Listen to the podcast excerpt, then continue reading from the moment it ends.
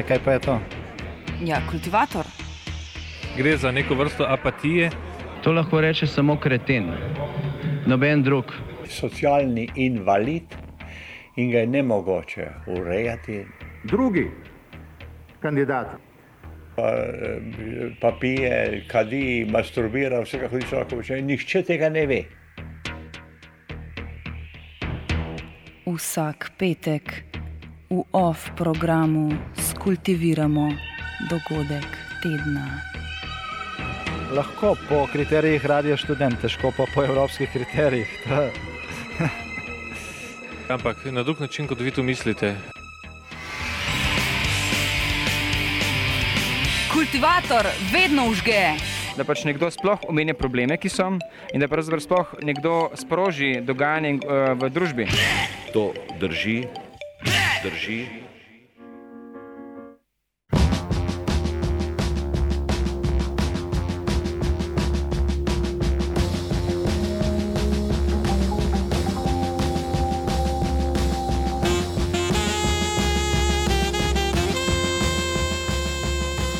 Ne vem, če veste, ampak na slovenskih univerzah ne, je lahko nek predavatelj, profesor zaposlen, redno zaposlen z vsemi pravicami, ki izhajajo iz redne zaposlitve, za plačo, ki ste ni največja, ob delovni obveznosti 4 do 8 ur na teden.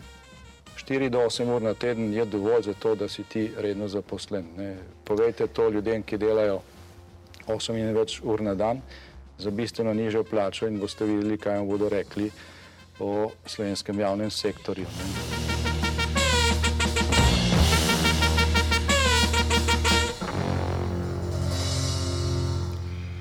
Eno od področji, na katerem namerava vlada privrčevati, če uporabimo njeno dikcijo, del od nekaj več kot 800 milijonov evrov, je tudi visoko šolstvo. Uvodna izjava premijeja Janeza Janše, ki je del torkovega intervjuja na nacionalni televiziji, lepo ponazarja pogled sedaj vladajočih na zaposlene v visokem šolstvu. Tudi ta izjava pa je zgolj del vladne hujskaške kampanje proti javnemu sektorju kot celoti. Znotraj visokega šolstva naj bi tako obstajale rezerve, s čimer bi visokošolske ustanove, zaposleni in študenti laže preživeli načrtovano krčenje proračunskih sredstev. Rektor Ljubljanske univerze Stanislav Pejovnik je na včerajšnji skupni seji Senata Univerze v Ljubljani, kolegija dekanov, upravnega odbora in študentskega sveta opozoril, da ni več možnosti pridobivanja drugih virov financiranja. Če že zdaj imamo 700 projektov, ali jih res lahko to število povečamo? Če sem prej trdil, da denarja iz Evrope ne moremo dobiti več, ponavljam, enako velja za sredstva iz slovenskega prostora. Višine teh sredstev praktično ne moremo dvigniti. Ne glede na to, da slišimo pogosto tudi od našega ministra, se na univerzi so zelo pametni ljudje, se bodo že znašli in si poiskali dodatni vir dohodkov. Žal smo se mi že znašli, kolikor se je dalo in smo vse te dodatne vire dohodkov dobili.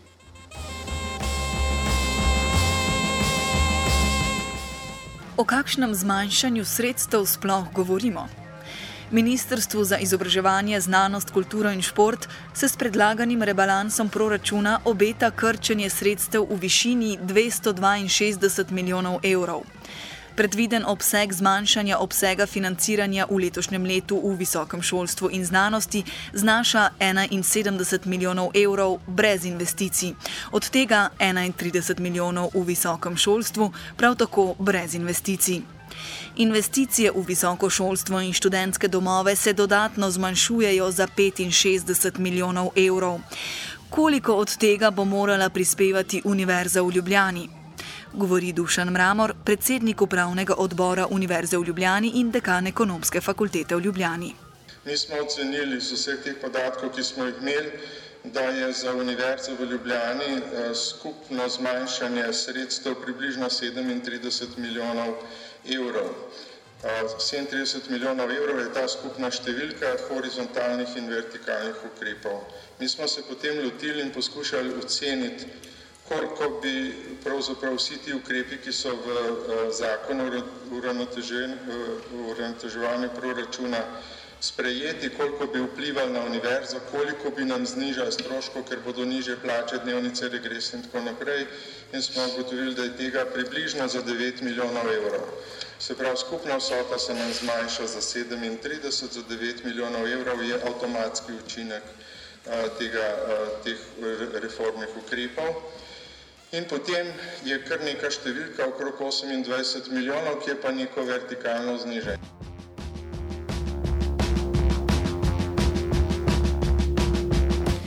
Mramor opozarja, da gre konkretno za zmanjšanje mesečnih denarnih pritokov fakultet za izobraževalno in raziskovalno dejavnost za 33 odstotkov. Nobena od fakultet po izračunih Univerze v Ljubljani tako ne bo mogla pokriti svojih obveznosti, 24 članic pa ne bo imelo niti za plače. Minister Žiga Turk to zanika in pravi, da bi bila postavka za visoko šolstvo v proračunu nižja za 12 in ne 30 odstotkov. Turk sarkastično dodaja: citiramo, Če kdo, potem bi morali biti visoko izobraženi ljudje sposobni najti rezerve. Konec citata. A visoko šolstvo naj bi bilo z ukrepi na udaru nesorazmerno bolj kot ostali del javnega sektorja. Dušan Mramor predstavlja številke. Kje je jedro problema? Čist preprosto, jedro problema je ta, da je bruto letnih prihrankov v proračunu, zdaj v tem rebalansu, v primerjavi z letom 2011, za 5,9 odstotka. Toliko je manjši proračun bruto, če prištejemo zraven še dodatne obveznosti iz obresti, ki jih mora plačevati Slovenija, ker to je treba vse prihrankati. Od tega je zmanjšanje za visoko šolstvo, znanost in tehnologijo 18 odstotno. To je največje zmanjšanje v bistvu od vseh, tam je sicer še zna, eh, zdravje, ampak gre samo za ministrstvo za zdravje, tam je treba prišteti še zavarovalnico, zdravstveno zavarovalnico in vzajemno in če to prišteje še zmanjšanje nič celih pet odstotka. Če pogledamo, naprimer, državni zbor ima povečanje sredstev za 11 odstotkov in vsi nevladni proračunski uporabniki, državni zbor, državni svet, računsko sodišče in tako naprej, imajo v povprečju minus 2,9 odstotka. Mi imamo minus 18 odstotkov za postavke, ki se tičejo neposredno Univerze v Ljubljani.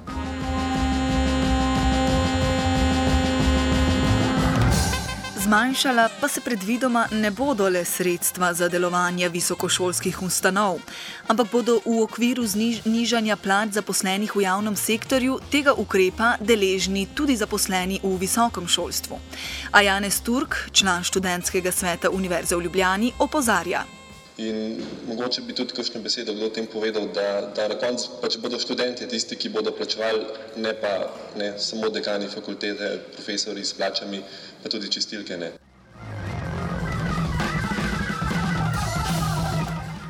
Študenti bodo breme tako imenovanega vrčevanja nosili na več nivojih.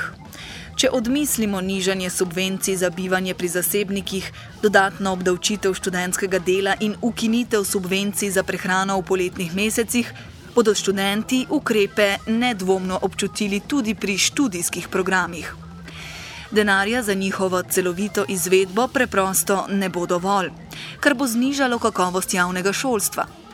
Ena od, pogojno rečeno, rešitev so seveda šolnine, s katerimi bi visokošolske ustanove nadomestile izpadla sredstva. Vlada v zadnjih ukrepih uvedbe šolnin sicer ne predvideva izredno, vendar je v nacionalnem reformnem programu, v katerem se država obvezuje, da bo krizo reševala v skladu z evropskimi dogovori, zapisano, da če finančna situacija tega ne bo omogočala, država ne bo financirala druge bolonske stopnje, ki je glede stopnje izobrazbe ekvivalentna stari diplomi. Dekan pedagoške fakultete Janez Krek opozarja na možnost uvedbe šolnin. Eh, potem je vendarle treba eh, pač odkrito povedati, da na tak način, s takim zmanjšanjem sredstev, programov ni mogoče izvesti. To pomeni, da je potrebno bodi si znotraj proračuna pridobiti sredstva, kar seveda ni nemogoče, to je mogoče, ali pa uvesti druge ukrepe, da nimo šolnine. Samo to mora biti jasno, to mora sprejeti država.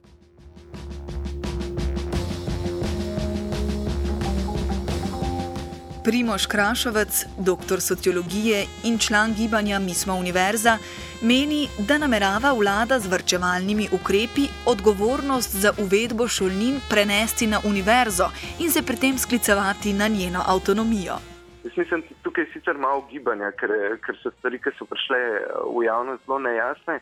Ampak recimo moje, moje predvidevanje bi bilo, da se hoče ministrstvo znebiti odgovornosti za ta, um, za ta neprijeten ukrep, ga prenesti na univerzo in potem reči, češ uh, univerza je avtonomno, um, avtonomno um, izbrala šolnine oziroma uvedla šolnine kar potem še dodatno onemogoča recimo nek, nek učinkovit odpor, a, ker se vse čas različne institucije med sabo a, si prelagajo odgovornost. Prav univerza reče, ministrstvo nas je prisililo, ministrstvo prav, univerza je to avtonomno naredila in tako naprej. Glede na to, da minister Turk konstantno in pred volitvami in zdaj ne opozarja na po njegovem potrebo po povezovanju visokega šolstva z gospodarstvom in po večji odzivnosti visokega šolstva na potrebe gospodarstva, bo glede na zmanjšanje proračunskih sredstev za univerzo verjetno tudi prišlo do nekega ideološkega predrugačenja študijskih programov. Ja, ja, definitivno. Mislim, po, po eni strani obstaja, obstaja težnja, da se, da se stroški samega pedagoškega procesa prenesejo uh, skozi postopno uvajanje ali pa višanje šolnin, kjer te že obstajajo na, na študente. Um, po drugi strani um, se pa tudi pojavlja težnja, da bi recimo znotraj obstoječih proračunskih sredstev, posebej za raziskovanje, to, to prilagodili recimo potrebam oziroma kar zahtevam ali pa, ali pa uh, diktatu, uh, diktatu uh, gospodarstva se pravi samo z enim delom, tistim, ki predstavlja izkoriščevalski del, ne, ne produktivni del gospodarstva.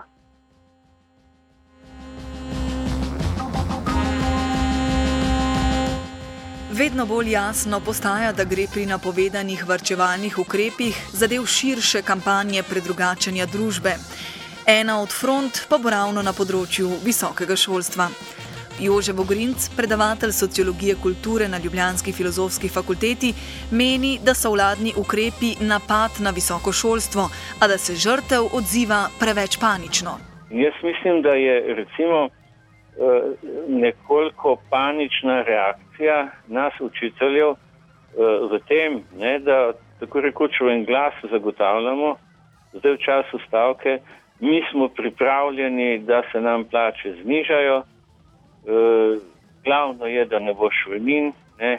Uh, glavno da je, da se, da se z normativi uh, ne igramo preveč, da ne uničujemo proti materialne substance univerze in tako naprej.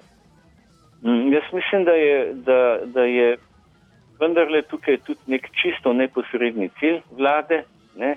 in to je, da v pogajanjih uh, s sindikati dovolj prestraši nasprotnika, da bi ta pristal na čim nižje, eh, na, na čim nižja izhodišča pogajalska. In bi upozoril na to, kar je včeraj pač, eh, rekel Jankovič, da pač on meni, da eh, je mogoče z ustrezno, ustrezno prerasporeditvijo časovnih obvez doseči te cilje, za katere si prizadeva vlada s, teki, s temi gromozanskimi posegi, da jih je mogoče doseči z bistveno manjšimi žrtvami. Se pravi, eh, eh, računi pa je kažejo, da bi zadoščala znižanja poprečne plače, recimo za 2 odstotka.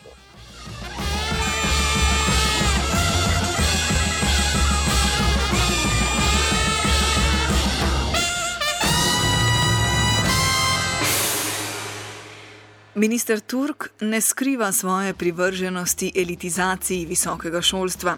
Šolnine pa so zgolj eno od orodij za dosego tega cilja. Drugo orodje je privatizacija visokega šolstva. A so zasebne visokošolske ustanove v primerjavi z javnimi zaenkrat marginalne tako glede števila kot kakovosti. Krčenje sredstev za slednje bo neizogibno znižalo kakovost javnega šolstva, kar bo priroč, priročen odgovor za spodbujanje zasebnih visokošolskih zavodov. To je prejšnja Janševa vlada že izdatno počela, vendar kaže, da gre tokrat korak dlje. Dušan Mramor meni, da so lahko predvideni ukrepi zgolj napaka, vendar samo pozarja, da. Mogoče ne gre za napako, pa upam, da nimam prav, res povdarjam to. Nacionalni reformni program napoveduje ustanavljanje novih visokošolskih zavodov, če ste to prebrali in sicer v vsakem pač središču in izenačuje zasebne in javne. Se pravi, verjetno bo to veliko zasebnih, hkrati pa, pa, pa predvideva nov sistem financiranja, kjer bo vlada po svojih željah financirala visokošolske zavode. Ja, zelo tako bi rekel, da je malo cinično zapisano.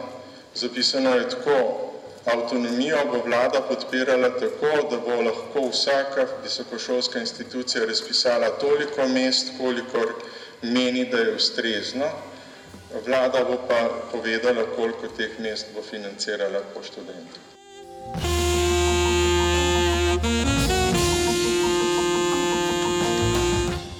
Primoš Krašovec spominja na začetke spodbujanja zasebnega visokega šolstva in opozarja na veliko verjetnost nadaljevanja tega trenda. Ja, zasebno šolstvo se je začelo, največji razmah zasebnega visokega šolstva je bil med prejšnjo desno vlado. Uh, takrat so se odpirali ti zasebni visokošolski zavodi uh, dobesedno čez noč. Um, tako da nisem znotraj samih teh, teh ukrepov, tega ne vidim, ampak glede na recimo naklonjenost uh, te vlade neoliberalni ideologiji na splošno, se pravi ideologiji, po kateri je treba prostor odpreti, visokošolski prostor za prosto konkurenco, treba pritiskati na, na javne institucije z, z zasebnimi. Glede na to, da ima veliko ljudi pač iz te garniture, um, pač zato, ker so bili, če se mene vpraša, upravičeno pač, um, uh, na tak ali pa drugačen način izključeni iz akademskega prostora, se poskuša pač čez ovink oziroma prehiteti po desni in se vrniti v njega z ustanavljanjem uh, privatnih visokošolskih zavodov.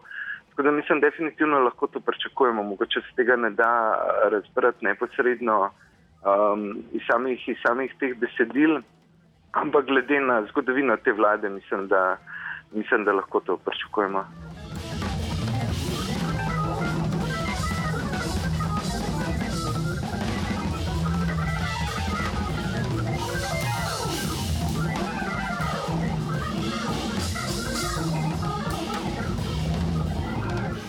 Za konec se spomnimo stališč ministra Turka, ki jih je zagovarjal na nacionalnem posvetu o visokem šolstvu 15. februarja letos na Brdu pri Kranju.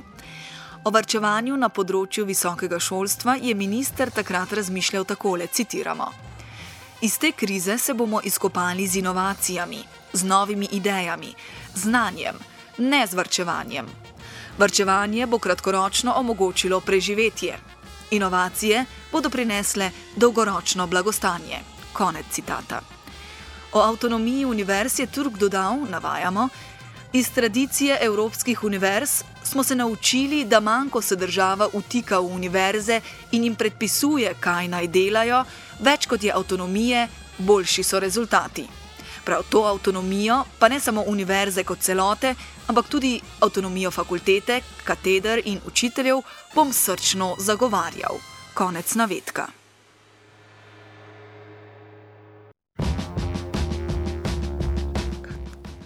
Zaključne sekunde tokratne oddaje podarjamo premijeju Janši. Kultivator torej zaključujemo s ščepcem mitologije.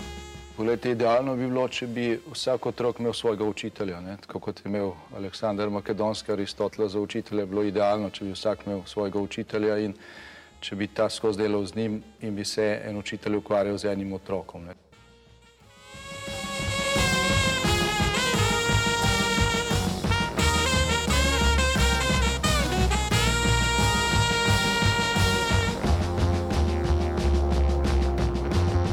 Kultivirala sta Boris Vasov in vajenec Fiki.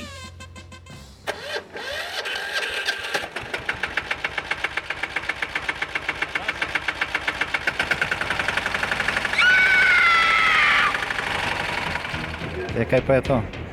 Ja, kultivator. Gre za neko vrsto apatije. To lahko reče samo kreten, noben drug. Socialni invalid in ga je ne mogoče urejati. Drugi kandidat Pa, eh, pa pije, kadi, masturbira, vse kako človek počne. Nihče tega ne ve. Vsak petek v off programu skultiviramo dogodek tedna. Lahko po kriterijih radio študent, težko pa po evropskih kriterijih. Ampak na drug način, kot vi to mislite. Kultivator vedno užge. Da pač nekdo sploh omenja probleme, ki so, in da pravzaprav sploh nekdo sproži dogajanje uh, v družbi. To drži, drži.